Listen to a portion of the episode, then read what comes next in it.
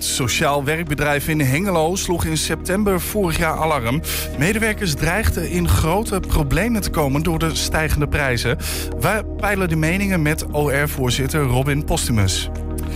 Volop in het nieuws de afgelopen dagen. Studenten flessen de schoolboel volop met slimme software die hele werkstukken schrijft. Druk op de knop, je hebt een compleet verslag. Niet te traceren door plagiaatmachines. Waar gaat dat heen met kunstmatige intelligentie? Ja, en wat staat er vanavond op het programma van Hengelo Spel? We bellen Niels om dat eventjes te vragen. En in depot, zoals altijd op maandag, gaat vandaag over gebakken lucht en de marketing van streekproducten. En het is maandag 16 januari. Dit is 120 vandaag. 120. 120 vandaag. We beginnen met iets heel anders. Uh, kamervragen, WOP-verzoeken, parlement, parlementaire enquêtes. Je zou bijna over het woord struikelen. Er zijn zaken waarbij het jaren en jaren duurt voordat de waarheid op tafel ligt en wat is misgegaan hersteld wordt. Neem het gasdrama in Groningen of veel dichter bij huis, de vuurwerkramp, toeslagenaffaire. Na die vuurwerkramp loopt op dit moment een onderzoek, uh, alweer. Over de toeslagenaffaire maakte ik nog niet zo lang geleden een podcast waaruit blijkt dat de wond nog altijd ettert. Hoe kan dat toch? SP-Kamerlid Renske Leijten speelde een sleutelrol samen met Pieter eh, Omtzigt in de waarheidsvinding van zowel die uh, vuurwerkramp als ook de toeslagenaffaire. En uh, Renske is bij ons. Welkom Renske. Hi. We hebben net al even een tijdje boven staan praten over van alles en nog wat. Maar je, je bent in Twente, waarvoor precies eigenlijk? Ik was uitgenodigd uh, door de SP in Hengelo om vanavond bij de nieuwjaarsborrel uh, te zijn, bijeenkomst. Dus iedereen meteen, die, ik ga. Iedereen die nog zin heeft om te komen, die moet vooral komen. um, ja, toen zei ik, ja, als ik dan toch uh, in Twente ben, dan wil ik nog wel wat meer doen. Maar waarom hebben ze jou gevraagd? Ze, ze zouden iedereen kunnen vragen. Er zijn meer prominente SP'ers. Ja, waarom ze mij hebben gevraagd, zou je aan hun moeten vragen. Dat vind ik wel een beetje gek om mezelf erover op de borst te kloppen. nee, Oké, maar leuk. Hey, welkom. Uh, maak je vaker de oversteek van, nou ja, jij woont in Haarlem, maar ik wou even zeggen vanaf Den Haag naar Twente? Ik ben te weinig in Twente, maar dat geldt ook in Limburg, als ik daar achter de microfoon zit. Ik vind het heerlijk om buiten Den Haag te zijn, in regio's te zijn. Ik voel mezelf ook echt een Nederlands volksvertegenwoordiger. En ja, weet je, dan, dan ben je eigenlijk overal te weinig. Ja, het is ook niet te doen, denk ik, voor een Kamerlid om het allemaal bij te houden. Ik bedoel, je bent ook maar een mens, hè? Nee, maar het is wel heel leuk om als je ergens bent, om wat langere tijd te kunnen zijn. Ja, nou, fijn dat je hier even wil zijn in ieder geval. Um, misschien maar even beginnen bij, bij die vuurwerkramp. 23 jaar geleden, hadden we net ook al even over. Toch weer een onderzoek. Waarom? We hebben al een tijdje geleden als Tweede Kamer in zijn geheel een rapport gekregen van uh, Paul van Buitenen. En daarvan heeft de Tweede Kamer toen gezegd dat willen we eigenlijk wel gebruiken om verder te onderzoeken. Dat was ook de oproep van Paul van Buitenen op dat moment. En uh, dat is, uh, nou, ik denk al een jaar of drie, vier geleden. Toen hebben wij gevraagd aan een aantal instanties of zij dat zouden kunnen doen. Uh, mede namens de Kamer. En dat is toen gestrand. En toen kwam corona en toen kwamen er nieuwe verkiezingen. En toen was eigenlijk het risico heel erg aanwezig dat de meerderheid die er was, die dat rapport van, van buiten wilde oppakken, dat die ja, weg zou vallen door dat gebrek aan kennis. En toen heeft Ronald van Raak, SP-kamer, oud-Kamerlid van de SP, heeft mij gevraagd: wil jij dat toch oppakken? Dat heb ik gedaan. En toen bleek dat die meerderheid er nog altijd was. En toen hebben we gezegd: we gaan uh, zelf een onderzoek. Of gaan een onderzoeksinstituut zoeken die voor ons dat onderzoek gaat doen. Dat was nog even zoektocht, hè? Zeker, dat is een hele zoektocht ja. geweest. Want tussen ook het aannemen van die Kamermotie. Uh, en het uiteindelijke uitzetten van het onderzoek heeft dik anderhalf jaar gezeten. Ja. Omdat we het wel goed wilden doen. Hebben ook uitgebreid nog maar Er waren ook een aantal onderzoeksinstanties die, uh, die, uh, nou, die niet wilden doen. Ja, die stonden niet in de rij. Nee. Nee, wat wij vonden het heel logisch als bijvoorbeeld de Onderzoeksraad voor Veiligheid het zou doen. Dat bestond niet 23 jaar geleden. En die had hoe dan ook dat onderzoek wel opgepakt als ze had bestaan. Uh, maar die wilde dat niet doen vanwege ja, mogelijke betrokkenheid bij andere onderzoeken die in het verleden waren gegaan. We vonden dat eigenlijk een non-argument. Maar goed, toen zijn wij verder gegaan. Eigen, ja, precies. Ja. Uiteindelijk wel. Ja. Hey, en, en, nog even naar dat rapport van Van Buitenen. Um, dat is hier natuurlijk ook in de gemeenteraad. Wij hebben het daar ook veel over gehad. Hier in, in Enschede en ook bij in Twente en uh, intern. Um, voor jullie, kijk, kijk even naar jou, misschien voor jou persoonlijk. Je zult het rapport niet helemaal gelezen hebben. 1700 pagina's, uh, dat lijkt me ondoenlijk. Um, ik heb het wel helemaal gelezen, ik ben een van die gekken. Um, maar wat, wat is de kern van dat rapport waarvan jij zei van dit is zo belangrijk, we moeten niet het risico lopen dat hier niet goed naar gekeken wordt? Ah, er zijn verschillende dingen belangrijk. Op het moment dat, je, dat er niet het idee is dat het daadwerkelijk onafhankelijk is onderzocht en dat er een punt achter gezet kan worden, kunnen mensen niet verder in Enschede. Die ermee te maken hebben gehad of die misschien mensen zijn verloren. En dat is denk ik belangrijk. Uh, er is Maar bestuurlijk. dat gevoel, eh, er stond dus nog geen punt. We hebben natuurlijk allerlei rapporten en onderzoeken gehad. ehm, maar ook jij had punt. het gevoel, er is Ja. nog steeds, staat er geen punt achter. En misschien kan je wel niet een punt achter zetten, maar in ieder Maar geval een bepaalde mate van afronding. Eh, nee, dat is, me wel, dat is me wel opgevallen dat dat inderdaad niet is. En dat is natuurlijk voor heel veel mensen helemaal niet zichtbaar. Want Enschede is natuurlijk een klein gedeelte van Nederland. En eh, meer mensen weten het niet dan wel. Maar dat is mij wel opgevallen. En verder is er ook, denk ik, bestuurlijk onvoldoende geleerd. Ja, we worden nog steeds met dezelfde blusinstructies ge, ge- geblust. Ja, dat, dat, dat, dat, dat vind ik onverklaarbaar. Misschien zijn er wel verklaringen voor. Maar ook bestuurlijk is er weinig van geleerd. Van waarom zijn er nou bepaalde lessen die er wel waren... niet toegepast in Enschede. Dus maar daar heeft dus Van dat is... daar onderzoek naar gedaan. Ja. Die heeft, die heeft Maar die heeft geen dingen- conclusies getrokken. Hè? Die Nee. heeft gewoon wat neergelegd is dat dit zijn mijn bevindingen. En die heeft ook gezegd, hier hoort eigenlijk verder onderzoek naar worden gedaan. En eh, ook nog politiek naar te worden gekeken. En dat is wat wij proberen te doen. Dus dit onderzoek dat nu gaande is, hè, het is op dit moment bezig, eh, dat moet, het moet concluderend worden in die zin. Ja, en het is niet een onderzoek naar de schuldvraag. Nee, dat- het dat is een onderzoek naar eh, wat kunnen we hiervan leren voor de toekomst. Maar ook wat is nou precies die bestuurlijke reflex dat er maar geen punt achter wordt gezet. Want dat is toch ook wel echt frustrerend. Ja, voor iedereen, maar dus ook Ja. voor jou. Eh, eh, ehm, we hebben het nu over de vuurwerkramp, hè, maar dat is natuurlijk een, al, is een, een breder probleem. Eh toeslagaffaire, nog zo'n ehm, dossier, zeggen we dan hè, in ambtstermen, waar jij eh, en Pieter Omtzigt zich bijvoorbeeld heel druk over hebben gemaakt. Dat is ook zo'n verhaal, waarin eh, bestuurlijk een, reflex is van wegduiken in plaats van oplossen. Dat mag je, denk ik, toch wel stellen. Dus die vuurwerkramp staat in dat, in dat opzicht natuurlijk niet op zich. Eh, ehm, Afschuiven, eh, Ja. niet verantwoordelijkheid willen dragen. Maar die waarom-vraag, waarom gebeurt dat? Heb je, durf je al een antwoord te geven? Of, of zeg je van ik moet toch dat vuurwerkramponderzoek afwachten? Ja, nou ja, goed. Kijk, ik kom in ieder geval tot de conclusie dat de bestuurlijke en politieke elite eh, er weinig consequenties aan heeft. Op het moment dat ze niet iets afronden. Een volgende positie, volgend baantje, dat, dat is daar wel. Eh, dan is het niet meer je verantwoordelijkheid. Hè? En, en, en dat, vind ik, dat vind ik lastig. Het lijkt wel alsof niemand verantwoordelijkheid draagt op zo'n moment. Het is heftig hè, om verantwoordelijk te draaien. Eh, Dit, dit zijn grote dingen. eh, Zeker. met enorme im- implicaties voor mensen, voor inwoners.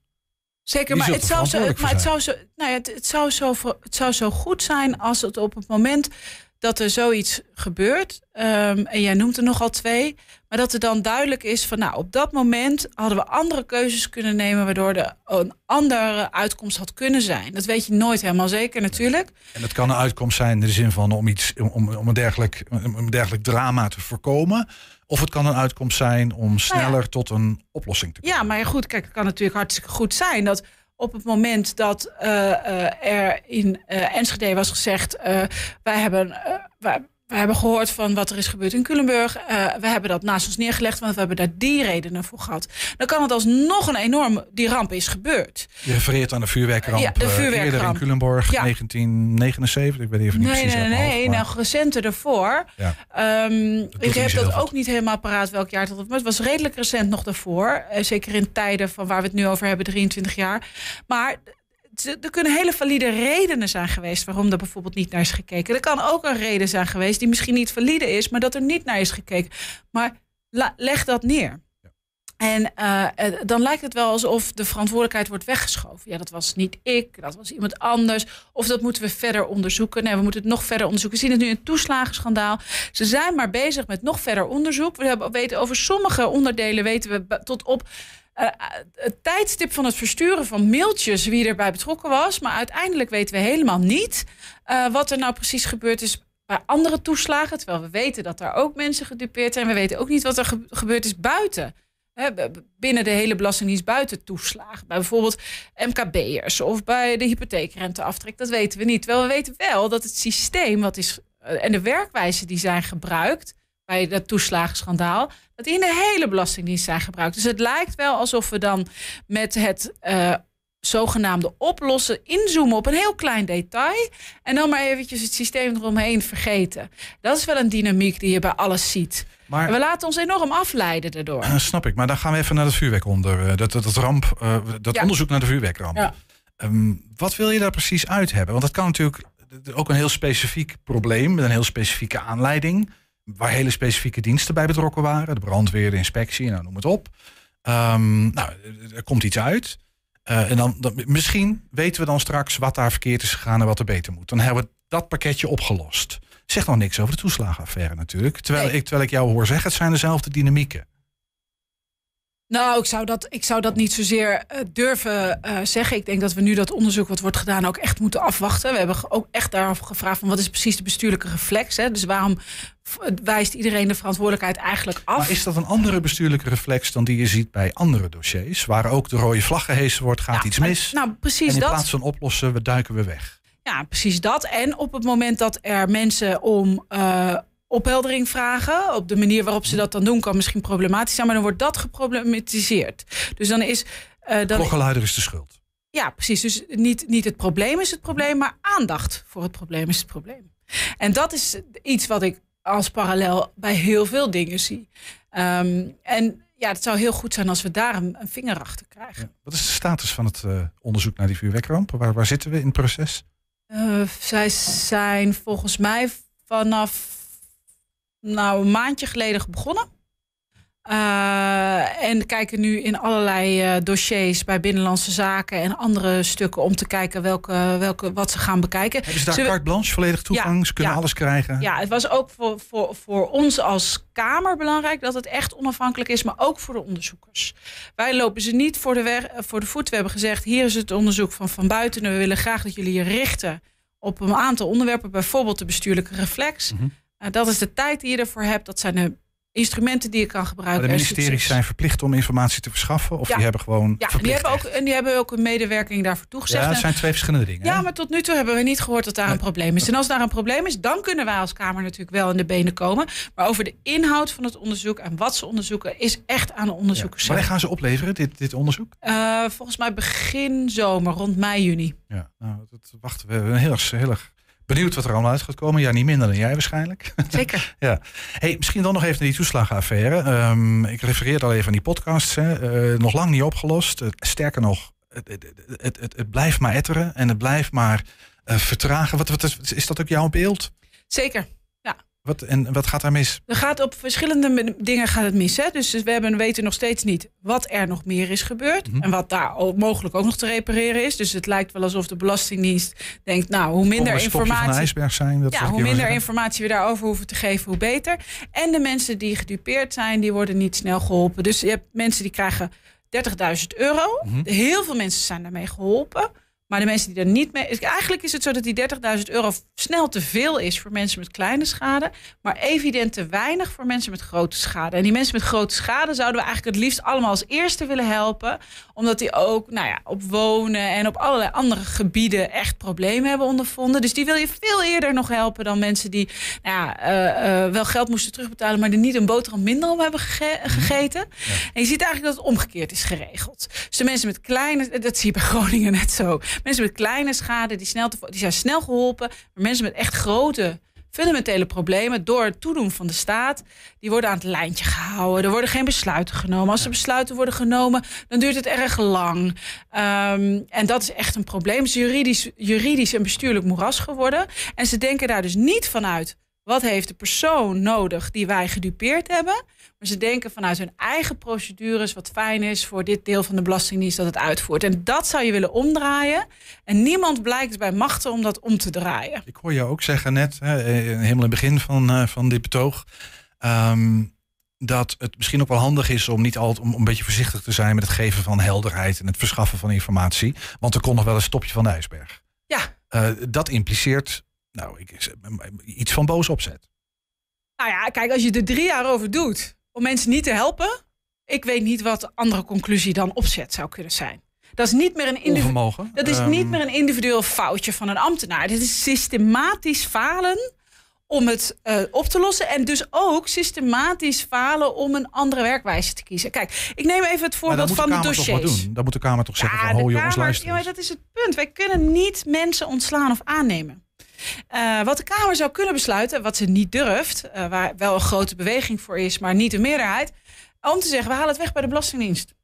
Waarom durft de Kamer dat? Wa- wa- Waarom is daar geen mededeling? Nou, dat was is daar lef voor nodig? Twee jaar geleden, nee, drie jaar geleden inmiddels zeiden ze tegen mij, ja, maar dan verliezen we tijd. Nou, inmiddels zien we dat we drie jaar hebben aangemodderd, heel veel geld kwijt zijn, allerlei adviezen, noem allemaal op. Echt KPMG, Buston Consultancygroep, ze zijn allemaal binnen geweest om het procesmatig te verbeteren. Het eind is nog niet in zicht. Nee, absoluut niet. Nee, maar dus dat zou je moeten willen omdraaien. Maar neem zoiets als de dossiers. Mensen krijgen hun dossier niet.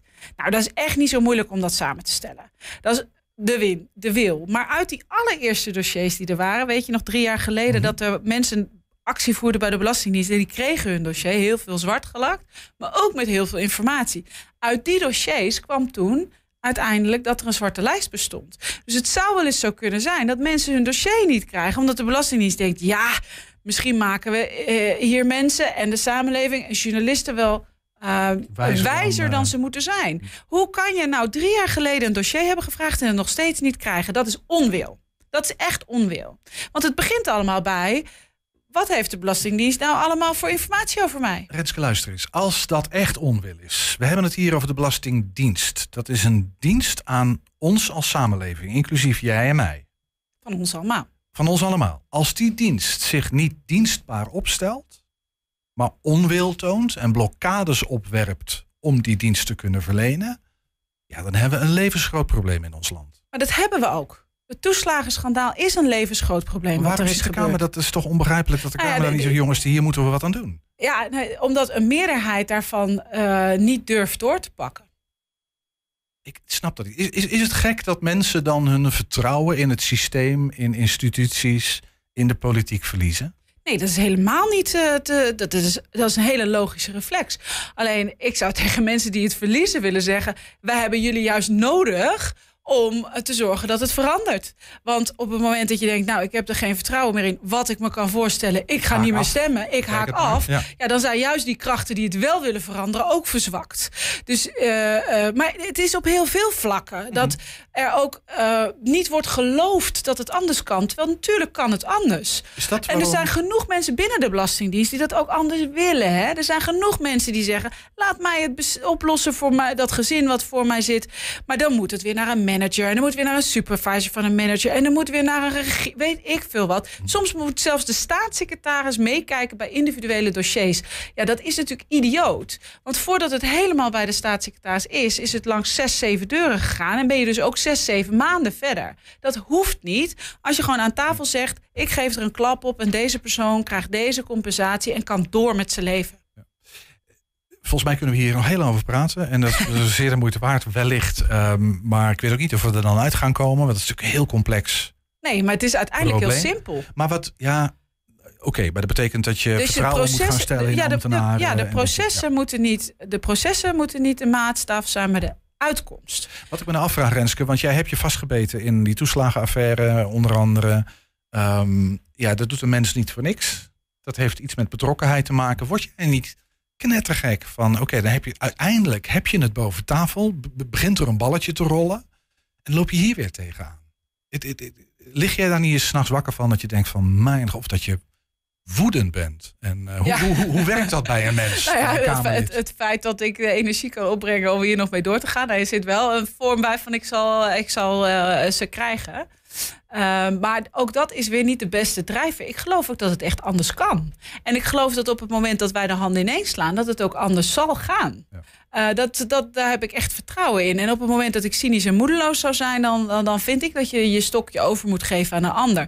Iets anders is dan. Zover is het nog niet. Nee, en iets anders is dus ook of je hierbij neer moet leggen of je cynisme moet organiseren. Want volgens mij moet je feilloos analyseren wat gaat er fout. En dan kijken waar kan het beter, wat is de oplossing. En voor die oplossing moet je dan zorgen dat je een meerderheid gaat organiseren of mobiliseren in de samenleving met mensen. En dat is ook waarom ik mensen heel goed begrijp als ze cynisch zijn over de politiek, over de bestuurlijke politieke elite die wegkijkt en zijn handen wast in onschuld als Ja, het je- uitkomt. Maar tegelijkertijd zeg jongens, als je die anders wil, dan moet je juist dus gaan stemmen. Je- Juist dus actief worden in de politiek. Helder, voel jij je onderdeel van die bestuurlijke politieke Nee, elite? helemaal niet. Nee, Nee? helemaal niet. Nee.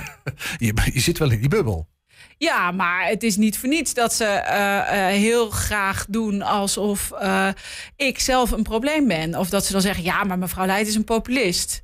Ja, weet je, als dat wordt gezegd door de bestuurlijke en politieke elite, dan vind ik dat dus een compliment. Zij proberen mij eruit te duwen. En dan zeg ik, ja, ik ben er nog wel. En ik heb ook stemrecht in die Kamer en namens heel veel mensen.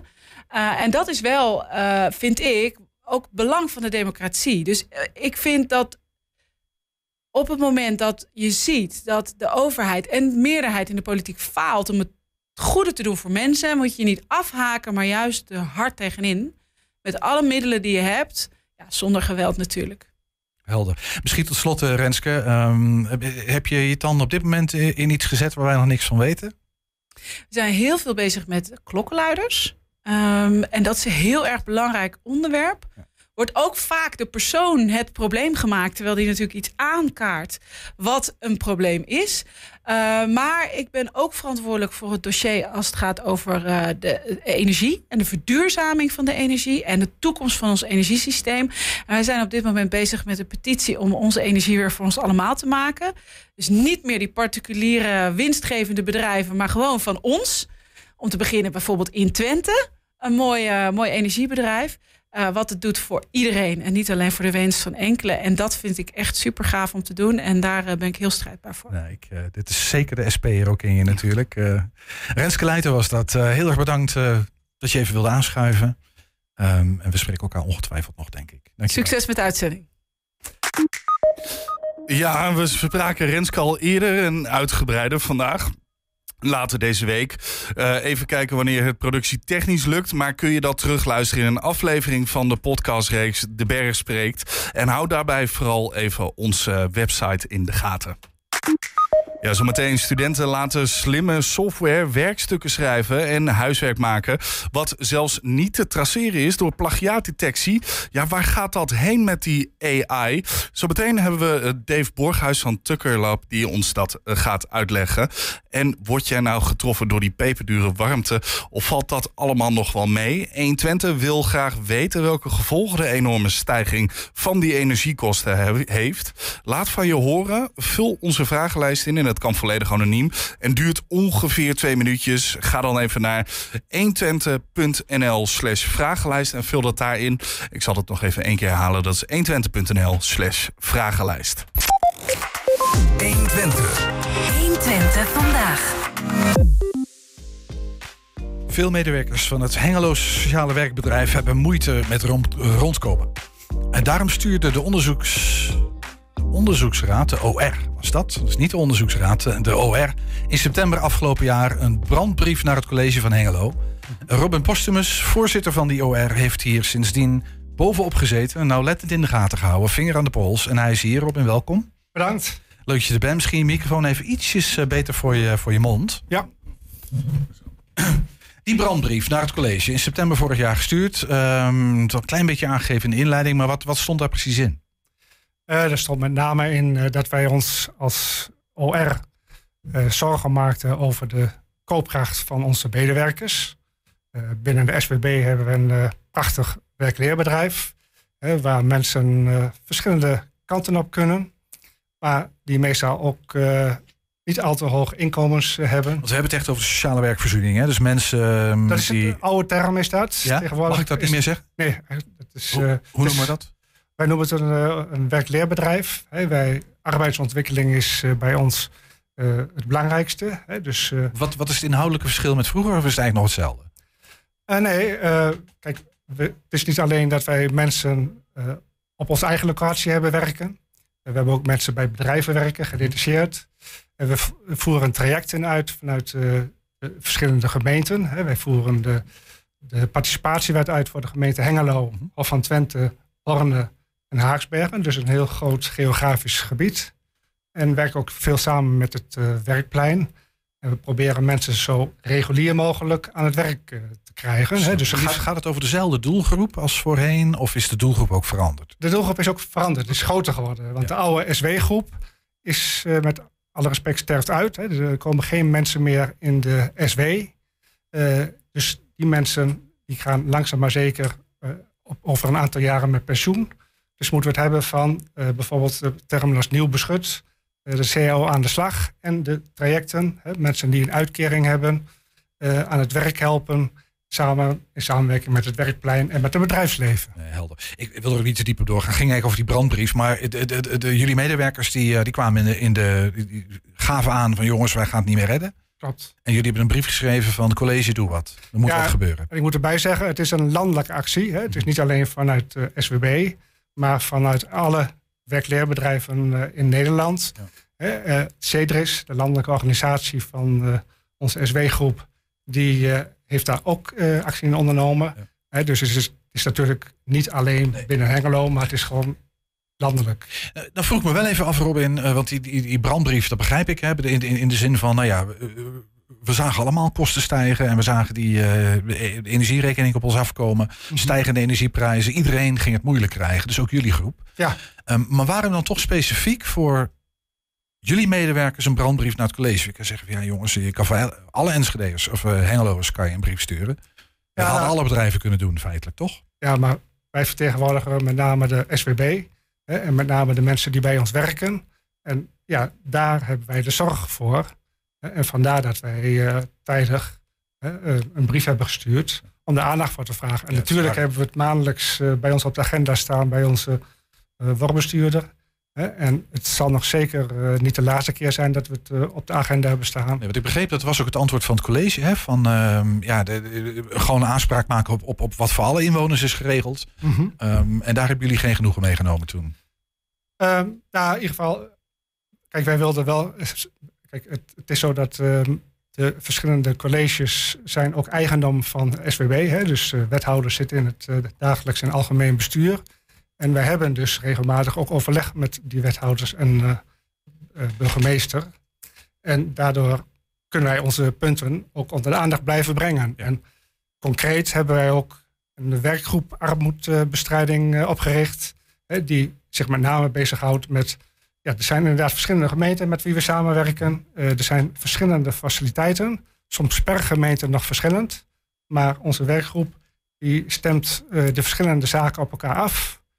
En ja, probeert een breed scala eh, aan voorzieningen te treffen. En kant- specifiek voor jullie medewerkers. Dus op het moment dat een medewerker in problemen komt... of denkt van ik heb vragen of ik heb hulp nodig... Mhm. dan kloppen ze aan met die werkgroep en die gaat het voor ze uitzoeken. Dat is wat ik me erbij voor moet stellen. Ehm, ja, de- die, die, de werkgroep houdt zich met name bezig met de faciliteiten die er eh, zoal zijn en waar mensen gebruik van kunnen maken. En het is aan ons, aan de medewerkers, aan de werkcoaches, om ook mensen te benaderen. Je weet misschien zelf ook wel dat mensen die in financiële nood zijn, Ja, niet altijd Die- zelf komen. ja precies, Mhm. die eh, schamen zich daar eh, misschien voor. Ja. Dus ook een oproep voor mensen om, ja, als, er, als ze zulke problemen ervaren, om daar zeker melding van te maken. En op die manier proberen wij eh, nou ja, onze mensen te bereiken, op laagdrempelig. Eh, en dan te kijken samen met ja, ook bijvoorbeeld instanties als eh, Budget Alert vanuit de, gemeente, om te kijken van ja, waar maken mensen, mensen nou gebruik van en waar kunnen ze misschien nog gebruik van maken. Is, is het nou zo dat die brandbrief van jullie en de contacten daarna met de wethouder en met de college, met een aantal wethouders begrijp ik van ja eigenlijk, Ja, hè? dat die contacten hebben geleid tot ehm, een specifieke aandacht of een, een specifieke aanpak of specifieke oplossingen richting jullie groep medewerkers? Of Ja, dat is wel. eh, ja, kijk, onze medewerkers zijn inderdaad een belangrijke groep. Hè. We hebben al met al 1200 medewerkers. eh, dus een, we zijn een van de grotere werkgevers eh, van de regio. En eh, ja, oh, terwijl mijn, ja, Dus, misschien, moet je hem of even over je hoofd zetten. Je kunt hem ook afdoen hoor, die, dat, die hoofdtelefoon. Je hebt hem niet, want je hoort mij wel toch? ja, precies. Dat is misschien net zo makkelijk. Zit je niet met het ding te klooien. Prima. Ja. Maar wel- welke specifieke maatregelen zijn er nou voor die 1200 medewerkers getroffen inmiddels? Nou, dat is nog steeds ongoing. Hè? Dus we zijn nog steeds bezig om ja, die mensen te benaderen. Hè? Het aantal mensen hebben ook al wel. eh, eh, ze zijn naar werkcoaches gegaan, hè? dus een directe leidinggevende. Ja, heel, even, heel even een stukje, een stapje terug, Robin. Want jullie hebben werkcoaches. En dat is een gevolg van. is- Nee, dat- werkcoaches hadden we al. Hè? Had dus eh, we hebben, ja, de werkcoaches zijn met name de mensen die mensen vanuit onze doelgroepen begeleiden. Mhm. Hè? En met name kijken van hoe kunnen we ze richting arbeidsmarkt helpen. Eh, zichzelf te laten ontwikkelen. Hè? Mensen kunnen niet alleen werken bij ons, maar kunnen ook een opleiding volgen Ja, of ik- een ik- training volgen. Die rol snap ik, maar ik ben even op zoek naar ehm, wat er nou in de afgelopen maanden voor jullie medewerkers is geregeld. En dus, dat is dus in, dat, is dus het punt wat ik net zei. Hè, dat we dus, dus die werkgroep hebben opgericht. En dat we dus mensen hebben benaderd. Dat is op werkcoachniveau. Dat is wat dat is lager. Gewoon naar je medewerkers, naar de medewerkers. uitleggen. Dit is wat we hebben. Dit is wat je het kunnen bieden. Maar ook, ook signaleren. Hè, want Ja. niet iedereen durft Nee, het precies. aan te geven. Dus ook eh, werkcoaches instrueren van... Nou, hè, heb, het, heb daar oog voor. Hè, en kijk hoe men, of mensen zich misschien anders gedragen. Of misschien, misschien mensen uitvallen. Hè, vaak ziek worden. Dat kan een signaal zijn. Ja, Dat, iets mensen aan de een probleem... Ja, Ja. ja. En, ja, en dat is nog steeds bezig. En daar zijn we nog lang niet klaar mee. Hè, want eh, helaas duurt eh, de crisis, of tenminste de oorlog... Hè, en alles wat er uit voortkomt... Ja, de eh, voor- prijzen zijn nog niet gedaald. Nee, Dat is- nee, precies. En dat zal voorlopig nog niet nee, precies, denk ik ook. gebeuren. Hey, ehm, eh, ehm, eh, als je vandaag een, een, een, een brief zou moeten sturen, hè, of de situatie zoals die nu op dit moment is, zou, je, zou het dan weer een brandbrief worden? Of zeg je van nou, het, het, het, het, valt mee? Het- Nou, kijk, we, hebben, we hebben een organisatie die goed met ons eh, meedenkt en andersom. Hè? Mhm. Dus eh, kijk, we, zetten het ook maandelijks vaker op de agenda. Hè? Dus kijk, het is zeker wel iets wat onder de aandacht blijft. Hè? Maar eh, ja, kijk, het is niet zo dat er eh, nu hele... Ja, kijk, er zijn zeker schrijnende situaties. Hè? En daar is ook zeker oog voor. Ja. Hè? Maar het is niet erger of minder erg dan bij andere organisaties. Gelukkig. En is, dat is mede dankzij de aandacht en die brandbrief. En, Ja, zeker. Hè? En dat zullen we ook blijven doen. We zullen dat blijven eh, eh, ah op de agenda te zetten. wat is het puntje waarvan jij nu nog zegt, eh, nou, hier moeten we nog aandacht voor hebben, want dit is, hier moet iets gebeuren. Nou, kijk, het is meer in het algemeen. Hè? We moeten gewoon blijven kijken of mensen goed voorzien zijn van de dingen, van de faciliteiten die er zijn. Ja, of ze op de hoogte zijn, of ze Ja. toegang toe hebben. ze- Precies. ja, precies. Oké.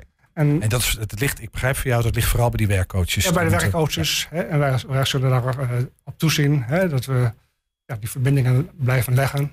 En eh, ja, nogmaals, proberen om het, eh, de mensen wat dat opzicht, ook in dat opzicht beter te laten maken. Ja, dat snap ik. Dus, Nou, jullie zitten er zo weer bovenop. Dat Zeker. in de gaten. Ja. ja. Robin Postumus was dat. Robin, dankjewel heel graag gedaan. deze update. Fijne dag. Hengelo Spel vanavond, eh, de thermometer in de Hengeloze samenleving. Wat er vanavond op het menu staat, hoor je zo van onze eigen Niels Veurink. 120 vandaag. Ja, en ik klik hem nu verder, maar we zijn ook als podcast luisteren. Dat kun je vinden via 120 Vandaag. Vind je hele uitzendingen en 120 Vandaag uitgelicht. Dan vind je eh, ja, iets wat korter, gewoon één item iedere dag speciaal voor jou om te luisteren op alle bekende platforms. En nu mag je wel ernst, want ik ben weer de bumpers er doorheen aan het drukken terwijl het niet hoort. Ik, zat- ik zat nog even een pingeltje te wachten, maar we doen gewoon pingeling en dan Ja, gaan we door. nee, wil je hem nog een keer? Dan gaan we nog een keer. Doe maar.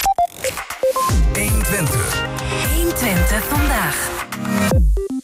Een nieuw computerprogramma op basis van kunstmatige intelligentie zet de literaire wereld al weken op zijn kop. Met ChatGPT of GPT, weet ik eigenlijk niet, zou al GPT zijn, geen idee. Kun je brieven opstellen, samenvattingen laten maken, werkstukken, verhalen schrijven, nou noem het op. En dat allemaal in luttele seconden. Er wordt het werk van een schrijver, journalist, een marketeer straks overgenomen. Doet een computer straks al ons huiswerk. Eh, we praten hierover eh, met onze eigen technologiedeskundige uit Enschede, Dave Borghuis van Hackerspace Stukkelab. Ja, jij lachte, Dave. Welkom. Ja, ja, ja. Ik ben is- benieuwd welke titels ze meegeven. Ja, wij maken er altijd wel wat fraais van. Ja. Maar zo is het wel een beetje. Als wij een technologievraag hebben en een toekomstvraag, dan denken we wel heel gauw aan jou. Ja, nou, dank u wel. Ja, dat mag je best als een compliment beschouwen, ja. inderdaad. Hey, ehm, maar misschien heel even, hè, want, want ehm, voor mensen die jou niet kennen of Tukkelab niet kennen, kan je even heel kort uitleggen wie zijt gij en wat is dat Tukkelab? Eh, we zijn hackerspace, maar dan hacker als eh, eh, creatief met techniek. Dus ja, op positieve, leuke manier met van alles en nog wat bezig zijn. Ja, van alles en nog wat. Dus wel gelimiteerd tot, tot, tot tech- technologie, IT. Nu niet noodzakelijk. Nee? Nee, jullie... Nee, nee, want, want, want, ja, uiteindelijk gaat het erom, we hebben deelnemers en de deelnemers die hebben een eigen, allemaal hun eigen interesse. Dus de een die zit op software, een andere elektronica, weer anders is iemand vooral met lasercutters bezig, weer iemand anders met 3D-printers. Het is allemaal- wel allemaal nieuwe breed. technologie. eh, Dat, dat wel, maar ja, het, is- het is geen vereiste, zeg maar. Dus als iemand komt, eh, we hebben nou iemand rondlopen die eh, bezig is om een eh, gitaar te maken met eh, houtbewerking. Ja, die is ook van harte welkom. Dus eh, ja, precies. Oké. Oké, zo breed is het. Ja, ik Ja. zat te denken, als ik een kinder, kinderboerderij wil, wil beginnen, moet ik niet bij jullie zijn. Nee, nee dat, dat nee. misschien niet.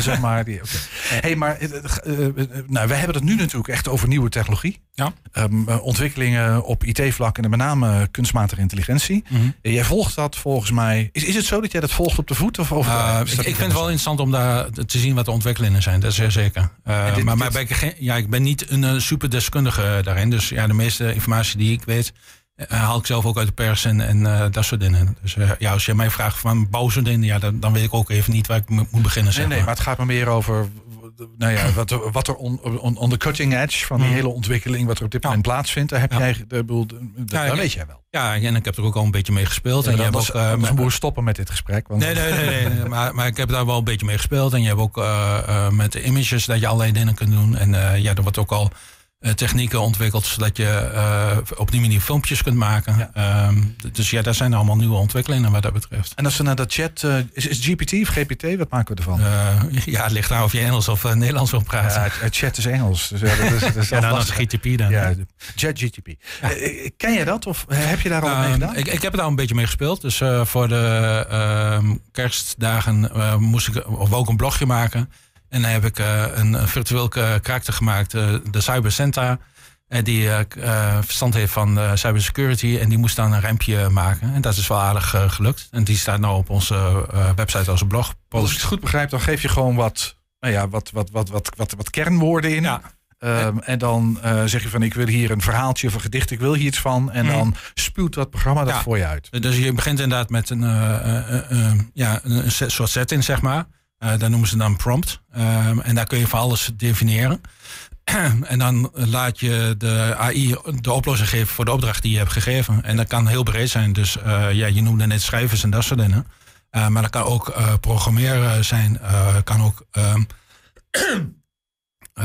ja, voor alles en nog wat zijn. Dus dat je een adventure speelt en geef je aan van...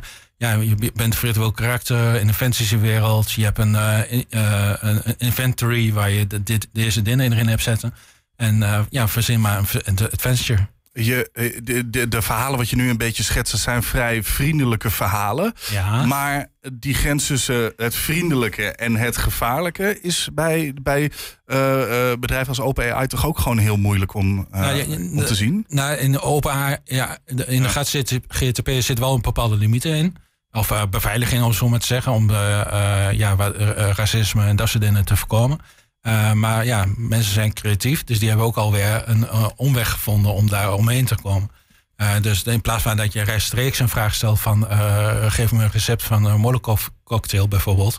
En, dan wordt dan eerst een, een, een schets gemaakt van... jij bent een fictieve karakter in deze wereld.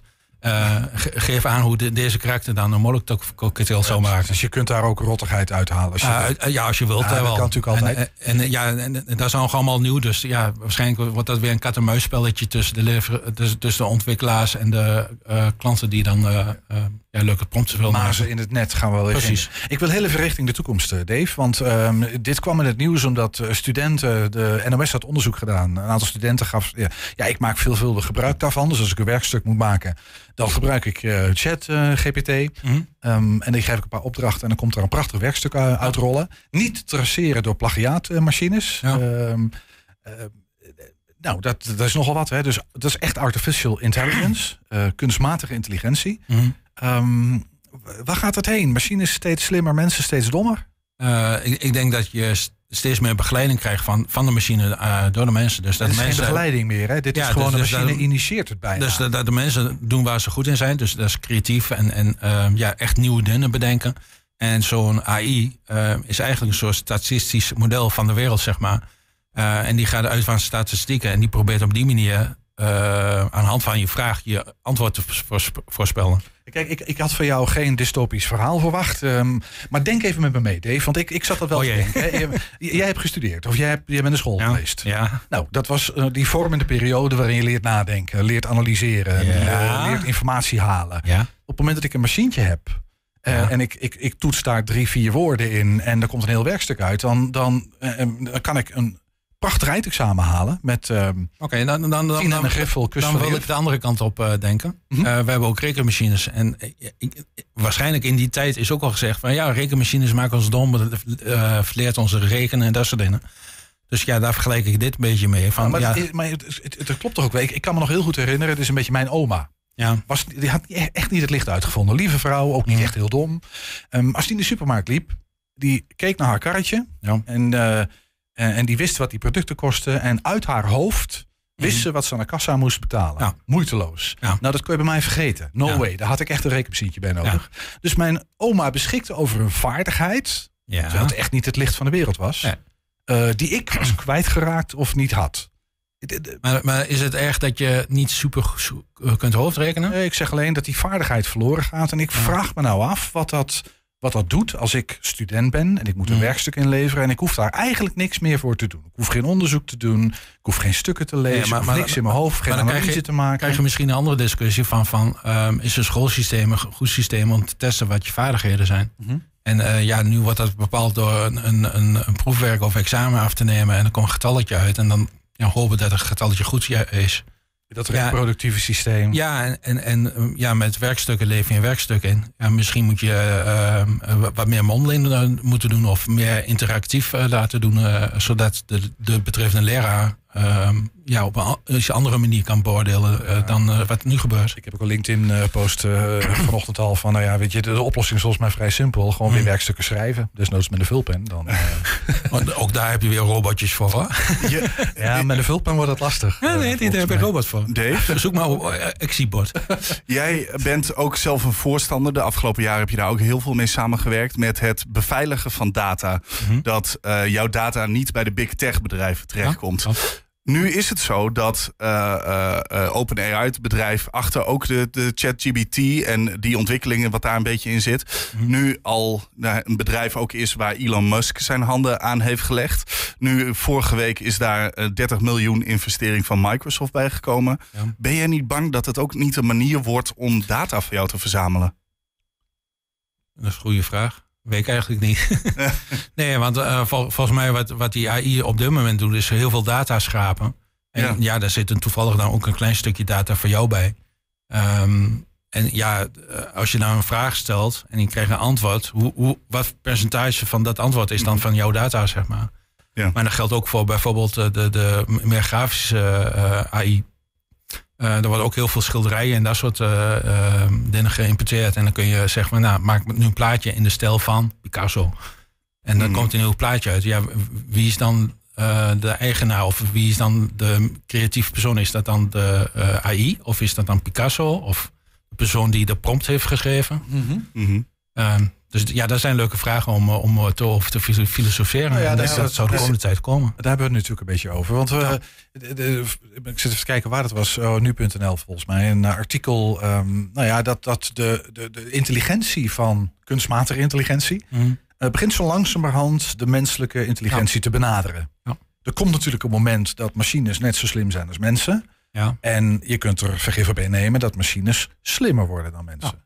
Maar is, dan- dat een, is dat een, een, een, een. Vind je dat een. Hoe kijk je daarnaar? Eh, dan, dan is nog steeds de vraag van hoe, hoe creatief zijn ze dan? Die En, en- machines. ja, en, en, de, eh, en daar echt creativiteit. Hè? Dus, dus niet het eh, eh, herkouwen van data of herkouwen van een plaatje en dan iets in de- dezelfde stijl te doen. Ja, maar toch. Dat doen jij en ik toch ook? Maar creatief zijn. Ja, en, ik, ik schrijf boeken, Ja. gedichten. Ja. Ik pluk uit de informatie die ik ergens Ja. vandaan haal. Dat Ja, maar- komt niet alleen maar uit mijn geest opborrelen.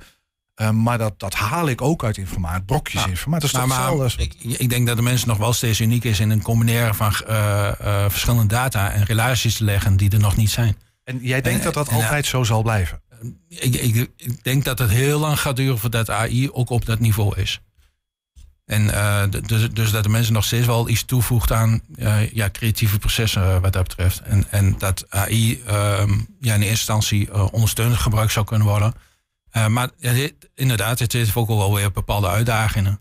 En ja, misschien dat mensen die van schrijven moeten leven, zoals journalisten, schrijvers en dat soort dingen, ja, die, die zitten nou op een vlak waar eh, AI dan ook op- op raakt. Ja, je kunt het je afvragen omdat we inderdaad met de, met de, met de komst van de mobiele telefoon en eh, de, de, de, überhaupt de digitale camera was ook Mhm. eh, nou ja, de gedachte Ja. dat voor beroepsfotografen geen toekomst meer zou zijn. Ja. Nou, dat lijkt al wel een beetje mee te vallen. Dus misschien ehm, is die toekomst niet zo somber als dat. Maar begrijp jij mensen die, die dit soort ontwikkelingen met. eh, zeker. En is- vooral, vooral als je van buiten kijkt en je gaat er zelf niet meer spelen. Eh, ja, maakt dat dan, een dan, verschil inderdaad? Nou ja, ik, ik heb een beetje meegespeeld en ik heb al gemerkt dat, dat hij soms met heel rare antwoorden komt. Mhm. Ehm, ik, ik heb een verhaal gelezen van een ehm, ehm, wetenschapper die eh, eh, specialist was in zijn vakgebied. En die heeft ook wat gevraagd. En op een gegeven moment kwam de eh, antwoorden terug van... ja, nee, ik heb dit gequote van, dit, van deze specialist. En die pe- specialist bestond wel, maar die was het een heel ander vakgebied. Ja, maar ja, goed, het is een kwestie van tijd voordat ook dat soort weeffouten uit die systemen. ja, ja, gehaald dat weet ik niet. Toch, denk je niet? Nee. Kijk, fe- fe- feiten wel, maar creatieve dingen, ja, dat wordt wat lastig, denk ik. Nu is het zo dat in de grafische wereld dat daar. eh, eh, ik heb het er vrij recentelijk met een, met een kameraad van mij over gehad die daar ook in werkt. Mhm. Die zei: Ja, mijn werk gaat eigenlijk nu helemaal weg. Want grote bedrijven hoeven niet altijd meer mij als conceptartist er- ergens aan te nemen.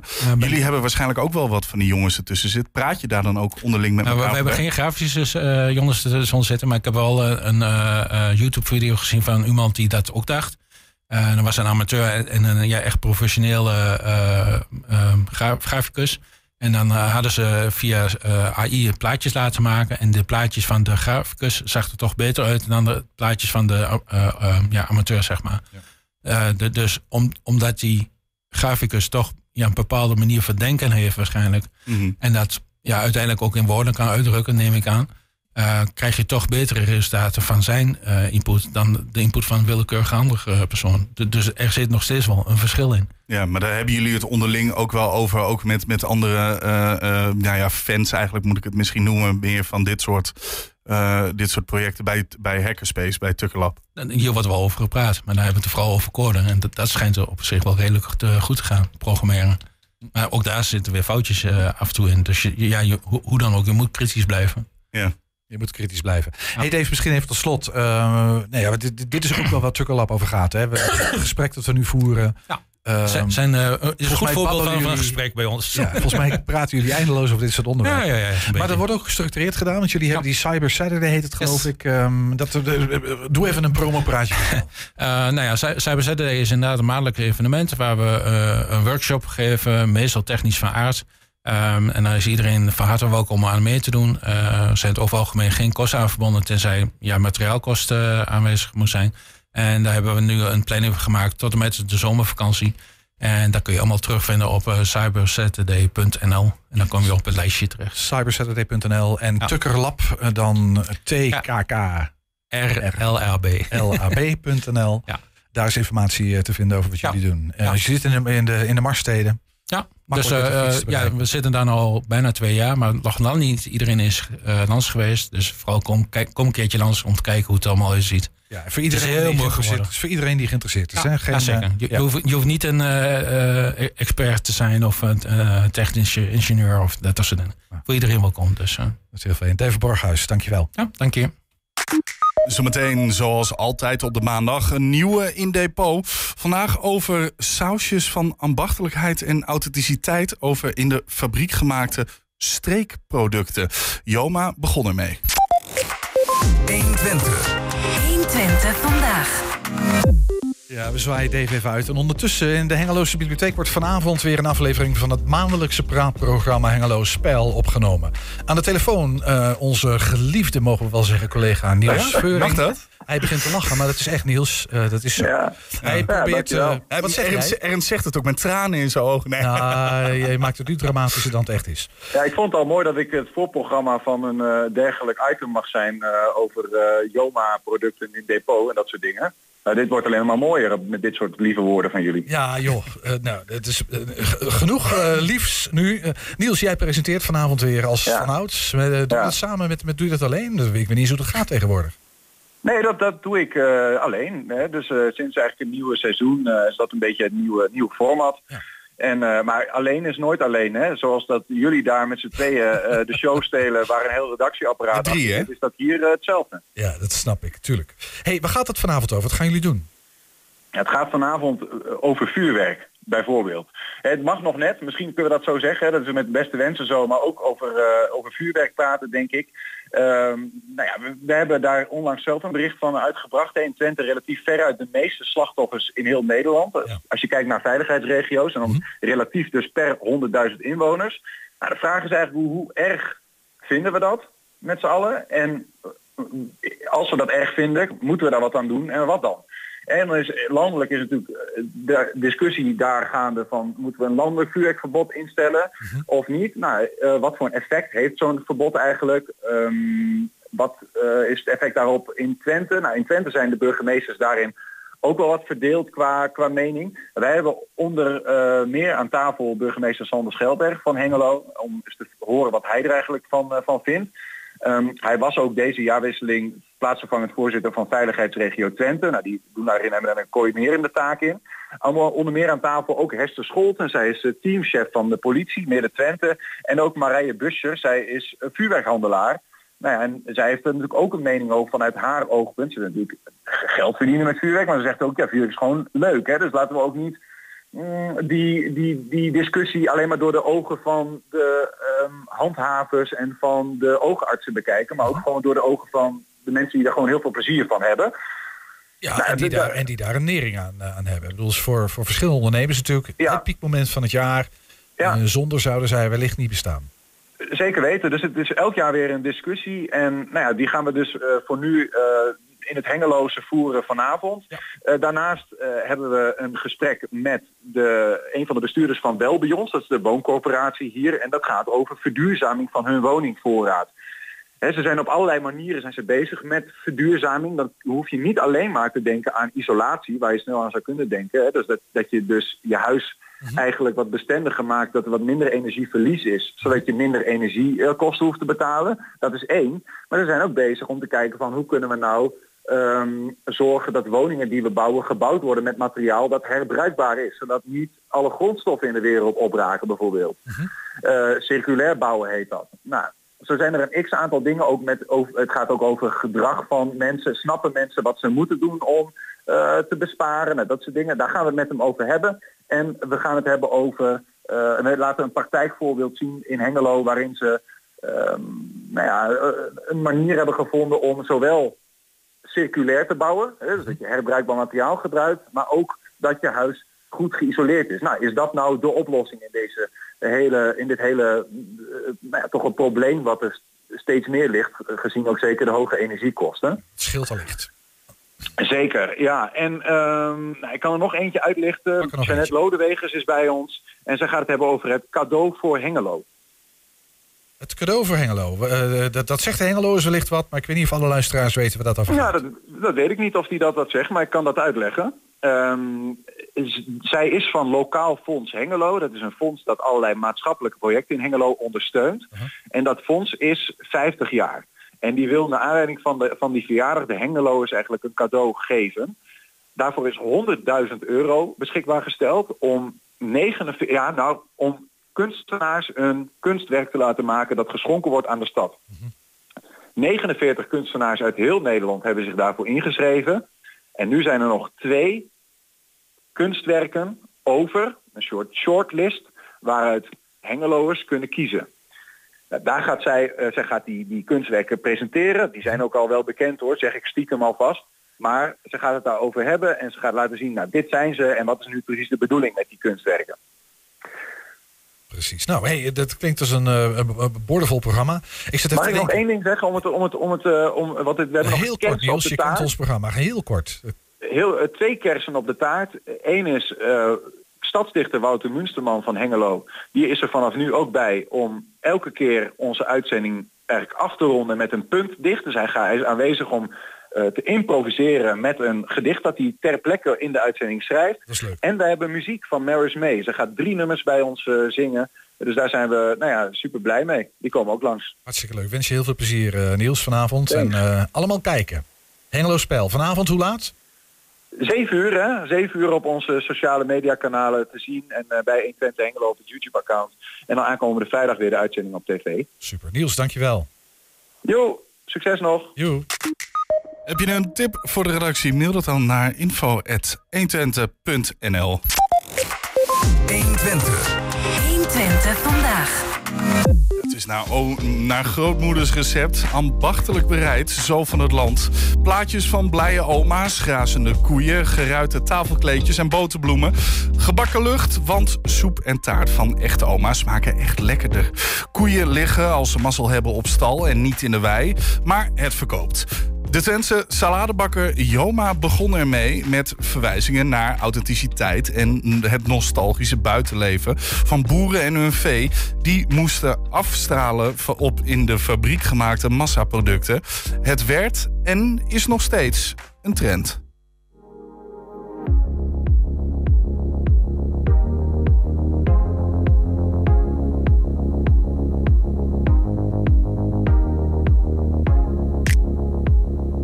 Ja, Edwin. Eh, Ik, het is een beetje een rare setting natuurlijk. We zitten hier tussen de schilderijen. Ja. Met eh Joma-bakjes, plastic. Ja, dat is niet verkeerd natuurlijk. Ik wil het even hebben over eh, Joma en de zuivelhoeven en eh grols. Ehm, Die indruk had ik al. maar meer als ehm, eh, het streek-eigene gebruiken in de marketing. Oké. Dus, ehm, Het streek is dus Twente, onze regio, Ja, gebruiken in marketing. ja, maar je, je moet je voorstellen van... ehm, vroeger ehm, eh, was het not done in reclames om iets van je streek te gebruiken. Je mocht geen dialect praten, je mocht geen... Hè, dan werden producten gewoon niet verkocht. Je dat was een beetje boerig, achterland. eh, Ja, ja, ja, ja. Je was, had- niet, was niet sexy. Dat gebruikte je niet in reclame. Nee, nee, en je had hier natuurlijk wel een, wel een emancipatiebeweging hè, met, met eh, normaal. Die, Jij, eh, jij komt uit de Achterhoek, ik kom daar uit weet je Achterhoek, alles van. ik ben van, van de, de ja. normaal eh, Ja. ben ik dan. Hè. En je had natuurlijk Herman Vinkers, die, heel, die als een van de eerste cabaretiers... met een duidelijk accent. met een heel duidelijk accent, zelfs hele conferences in het, in het Twents deed soms. Ja. En eh, Willem Wilmink, die ook eh, heel duidelijk eh, Ja. eh, in dialect eh, op een gegeven moment ging, ging publiceren. Ook Dus het waren eigenlijk een beetje de voorlopers van een, e- van een emancipatiebeweging... Ja. als het ging om streektaal en Ja. kenbaar maken dat je tukker was. Ja, ja, ja precies. En, en in, en in eh, wanneer was het? 2006, 2007 had je een televisieserie, eh eh Jongelui Grond. Ja, van Jongelui en grond. speelde ook Herman Vinkers in mee. En dat was een gigantisch succes op de landelijke televisie ook. Ja. En, dan heeft- hebben we het over wanneer, welke jaren? Je zegt ja, toen- dus in rond 2006, 2000, nou, ja, rond, die, rond die koers Ja. eh, had je dat. Ja. En eh, eh, dat was een gigantisch succes. En dat heeft eigenlijk voor een soort vliegwiel eh, gezorgd dat, ja, dat je op een gegeven moment reclames kreeg in de streektaal. Het idee van trots kunnen zijn op je streek. Ja, Eh, ja, ja. eh, En, en eigenlijk zie je eh, de, de allereerste reclames op Nederlandse televisie in de streektaal was in Twents. Twents heeft echt een voorloper. Eh, nu, nu is het heel normaal hè, Ja. dat iedereen eh, van heel Nederland zijn eigen... eh, maar voor het Fries of het Limburgs? of, ja, eh, ja, ja, ja, ja. De eerste reclames eh, waren in het Twents. En de, de, de, dus de eerste reclames in streektaal, dat waren Twentse reclames Ja. in het Twents? Ja. Oké, en dan hebben we het over welke periode? Nou ja, ook, ook rond die periode. Hè, met die emancipatie van, van, van jongelui Grond. eh rond die periode kwamen de eerste reclames in het Twents op de landelijke televisie. Zodat het een beetje algemeen geaccepteerd dat, het, dat, dat streektaal eigenlijk ook wel tof was. Ja, En, ja, eh, ja. Nou ja, en, en, en, en heel veel bedrijven hier gebruikten eigenlijk al streekeigene eh, kenmerken voor de marketing van hun product. Een hele bekende is de eh zuivelhoeve in Twekkelo. De boerenjoghurt. De boerenjoghurt. Nou, je ziet, Ja, maar dan eh, ook de boerenjoghurt. Niet de boerenjoghurt, nee. boeren, echt, Boerenjoghurt. boerenjoghurt. Ja. En ze gebruiken dan eh, nou, de, de, de, de theedoek die je hier veel ziet, die hier veel gemaakt werd, in, in een, in een layout. Ja, je bedoelt die geblokte theedoek. Want dat was een streek-eigen theedoek. Die, Ja, of dat streek eigen is, weet ik niet, eigenlijk niet. maar Dat in zou ik niet durven te beweren. platteland. Ja, wij, wij, wij produceren eh, deze in ons eigen museum dit soort theedoeken. Ja, met klopt. dit patroon. Maar op zich, die, die, eh, zeg maar, die hang naar het platteland... die hebben in de jaren zeventig was ook een run Ja. hè, van eh, Ja. hippies... die eh, een boerderijtje kochten in Overveen of Ja. Overlo. Ja. Of weet ik wat. Ja, ja, ja, klopt. Maar om je producten te verkopen aan het grote publiek was dat. Nee. Een van de eerste die trouwens, hè, want ik had het net over die geblokte theedoek. Ik heb hier een bakje Joma eh, salade. Dit is uit de jaren 80 en die gebruikte dit patroon dus ook al. Oké, en, en ook dat, ja precies. Want, dus, En, en, en dat, dat, dat is een soort, nou ja, een soort hang naar nostalgie, naar en, authenticiteit, dat naar de gebruik je, en dat gebruik je is in je, In je marketing. in, in je marketing, in je, in je, in, in je productverpakking. En, en nou is het heel normaal. Hè? Dan Ja. vind je het overal terug in flessen wijn. In, eh, eh, eh, nou, dat je heel erg op je eigen streek terugvalt. En een heel mooi voorbeeld op terugvallen op, op streektradities vind ik het, het Norbert van Grols. Ja. Eh, de, de brouwerij van Grols was hier getroffen door vuurwerkramp. Hier, Ja. hier vlakbij. De fabriek helemaal eh, eh, ja, plat, buiten werking. Ging een nieuwe fabriek bouwen in de buurt van, ehm eh, van Boekelo. Ja. En de fabriek werd geopend en ze brachten er bier uit. En dat heet Norberbier. Norberbier, nou, Norbers, Norberschap, dat wil je zeggen van zorg voor je, voor je buurt, voor je buren. Hè, een heel stelsel van tradities Ja. dat daarmee mee te maken heeft. Zij hebben dit bier gebrouwen met de naam Norber. En als je dit dan, eh, nou, dit, dit kon je dan kopen. En hier zat een bon in en dan kon je de brouwerij bezoeken. Kom, ook, kom, Kom, maar echt kom, kijken. kom kijken, kom, kom, ja. kom een eigen Ja. bier, bier drinken. Lang Kom bij ons kijken, kom Ja. met ons kennis maken, uitnodigen. En dit is 2004. 2004. En ook dat was weer zo'n voorbeeld van eh, eigenlijk een... Ja, dit is jaren 80. Ja. Maar dat is dan nog een, een, een, een, eh, nou ja, een, een, patroontje Ja, van ja, een theedoek of zo. En eh, pas echt die, die, die serie van eh, Jongelui Oude Grond heeft pas echt de doorbraak. Zo van, nou, je kan echt dialect spreken, openlijk vooruitkomen dat je uh, Twentenaar bent. En, eh, en heeft een hele vlucht genomen. Met, is het heel normaal met, dat je allemaal reclame en ook, ook het streek-eigene gebruikt in je, in, je, in, je, in je productontwerp. Waarvan dat dan weer Norbert bier dan weer een exponent is. Ja, en, en eigenlijk weer heel erg mooi teruggrijpt op oude tradities. Mooi man. Ja. Nou, dankjewel. Graag gedaan. En zo zijn we ook alweer aangekomen bij het einde van het programma. Het is me altijd weer een eer om te mogen doen met jou, Het Ernst. is eh, de- tijd voor afscheid, altijd een droevig moment. Daarom, 8 en 10 kun je ons terugzien op televisie. Zometeen kun je gaan genieten op de radio van Henk Ketting. Veel plezier en tot morgen. Tot morgen. 1 Twente. Weet wat er speelt In Twente.